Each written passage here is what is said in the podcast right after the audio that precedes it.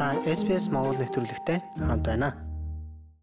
Ахлах сургууль сонгоно гэдэг эцэг эхчүүдэд төдийгүй хүүхдүүдэд төсөөлж байснаас илүү их стресс авчирдаг. Тиймээс энэ удаагийн оршин суух хөтөж булангаар танд сургууль сонгохдоо анхаарах хэд хэдэн гол зүйлийг зөвлөх бөгөөд энэ нь танд болоо танаа гэр бүлд сургуулаа сонгож олон мэдээллийн төөрөгдлөөс гарахад тань туслах болно гэж найдаж байна. Бид мэрэгжлийн байгууллагууд болон эцэг эхчүүдийн туршлагыг хуваалцах гэж байна. Анхаарлаа хандуулан хамт байгаарай. SPS Монгол хэлээр бидний нэвтрүүлгийг Facebook сошиал хуудасаар бусдаа хуваалцаарай. Австралид дунд болон ахлах сургуулийг сонгоход маш олон сонголт гарч ирдэг. Rising Children Network-ийн захирал Derek McCormack-тай бид энэ тухай ярилцлаа. Тэрээр яагаад асуудал гардаг, яавал илүү хялбар байлгах талаар өөрийн зөвлөгөөг өгсөн юм а. Сонголт хийхэд амаргүй байдгийн гол шалтгаан нь та хэд хэдэн зүйлийг заавал бодож үзэх ёстой болдгоо. Жишээ нь сургууль нь тэдний бодит хэрэгцээ нийтэж байгаа эсэх хувийн үнэт зүйл хөсөл сонирхолт нь тохирч байгаа. За мөн сургуулийн сургалтын чанар нь танай хүүхдийн хүсэж байгаад хүрч байгаа эсхийг нэгтлэх хэрэгтэй болдгоо. Энэ мэт мэдээллийг авахд яг тохирох сайн мэдээлэл цуглуулахад бас амаргүй байдаг тухай Good Education-ийн ерөнхий менежер Ross White ингэж ярьж байна. Аав ээжүүд сургуулиудын ялгааг олж сайн мэдэж авахын тулд маш их мэдээлэл дунд ордог. Эдгээр мэдээллүүд нь их зүйлийг агуулдаг, зарим нь ойлгоход амаргүй байх нь ч бий. Тэгээд ч иймэрхүү мэдээллүүд нь өөр өөр платформ дээр янз бүрийн хэлбэрээр байдаг нь асуудалд агуулдаг information is is typically presented in different ways on different platforms. Түүний ажилдаг Good Education Group бол Good School Guy гэдэг эцэг эхчүүдэд зориулсан Австралийн сургуулиудыг харьцуулан харуулах вебсайтыг ажилуулдаг юм а. Ноён Ross White энэхүү туршлага дээр үндэслэн дөрвөн үндсэн асуултыг өөрөөсөө асууж сургууль сонголтоо хийхийг зөвлөж байна. Its cost, its location. Энэ бол нэгдүгээрт үн, за тэгээд байрлал, сургалтын үзүүлэлт танаад тохирч байгаа эсэх юм. Эдгээр дөрвөн хүчин зүйлийг бодож үзсний үндсэн дээр шийдвэрээ гаргавал амьдралд нийцсэн зөв шийдвэр байж чадна. Хүүхэд маань хичээлдээ явхад байрлал нь ойр байх уу? Машин нийтийн тээврээр зөөх хэрэгтэй юу? Төлбөрийг нь бид дийлэх үзүү. Сургалтын үр дүн хэр бол? Тэгээд нэг чухал зүйл бол бидэнд тохирох орчин мөн үү? Энэ нь юу гэсэн үг вэ гэвэл соёлын хувьд танаад нийцэх хэсэг юм. Ялангуяа танаа хүүхдэд тохирох хэсгийг сайтар бодож үзэх хэрэгтэй might mean cultural fit and might also mean fit specifically for my child. Тохирох сургууль гэдэг ойлголт нь соёлын хувьд таны үнэт зүйлсэд үнэхээр тохирч байгаа талаас нь харахыг зөвлөж байгаа юм. Зарим эцэг эхчүүдийн хувьд шашны боловсролыг илүүд үздэг байж болох юм. Хүүхдийн хүсэл сонирхол таны шийдвэр гаргах хамгийн чухал хүчин нөхцөл юм шүү.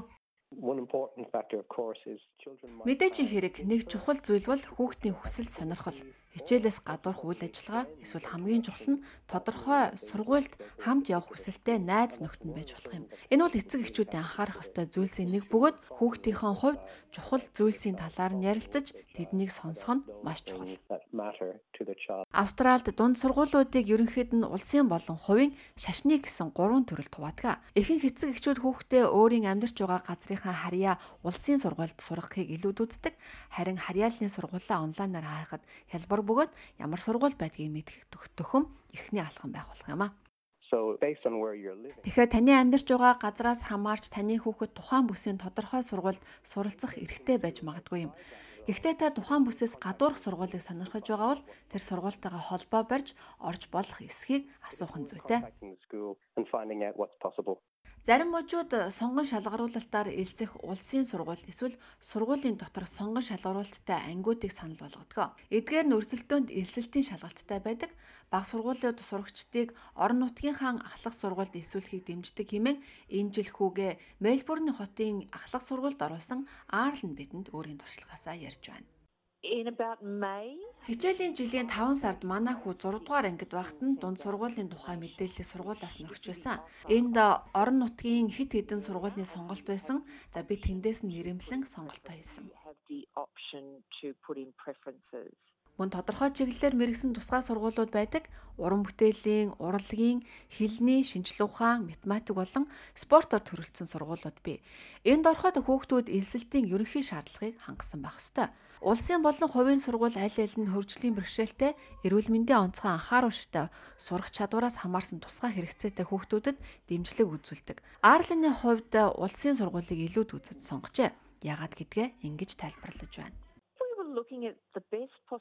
Бид одоогийн амьдарч байгаа газараа хамгийн ойрхон байх боломжит хамгийн сайн сургуулийг хайж үтсэн. Энэ нь байршил болон сургуулийн төлбөрийн хэмжээгээр сонголтоо хийсэн гэж болно.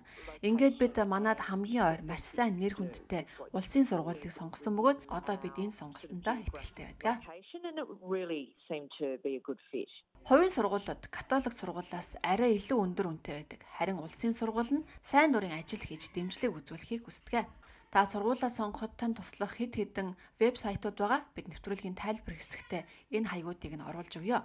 Австралийн сургуулиудыг төрөл, байршил, шашин, дам болон холимог хүүсийн сургууль гэх мэт хайлтын шалгуураар нь загсан харуулдаг юм байна. Эдгээрийн нэг бол Good School Guide юм. Энэ нь энгийн англи хэл дээр мэдээлэл хүргэдгээрээ давуу талтай. Any school that's open to normal standard enrolment. Good School Guide вебсайтад стандарт эсэлттэй сургуулиудаг чагсаадаг. Сургууль бүхэн өөрийн хувийн мэдээллийг үүсгэх бөгөөд ингэснээр тэд хичээлээс гадуурх ямар үйл ажиллагаатай кампусынхаа талаарх мэдээллийг оруулдаг. Эцэг эхчүүдийн хувьд ч хаанаас ч авч чадаагүй мэдээллийг эндээс авдаг гэж болно.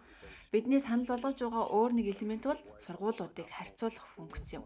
Олон сургуулийг зэрэгцүүлэн жагсааж энгийн харьцуулалт хийх боломжтой. Ихэнх улсын сургуулиудын хувьд 4 5 дугаар сард баг сургуулиас хүүхдүүдийг нь элсүүлдэг. Төрийн бус өмчийн ахлах сургуулиуд ихэвчлэн урт хүлээлгийн жагсаалттай байдаг. Иймээс элсэлтийн үйл явцыг хамаагүй эрт эхлүүлэх шаардлагатай байж магадгүй юм. Элсэх өдөр журмын сургуулиудын хувьд өөр өөр байх магадлалтай. Тиймээс энэ мэт мэдээллийг шууд сургуулиас нь авах нь зөв юм гэж Арл нь бидэнд зөвлөсөн юм а.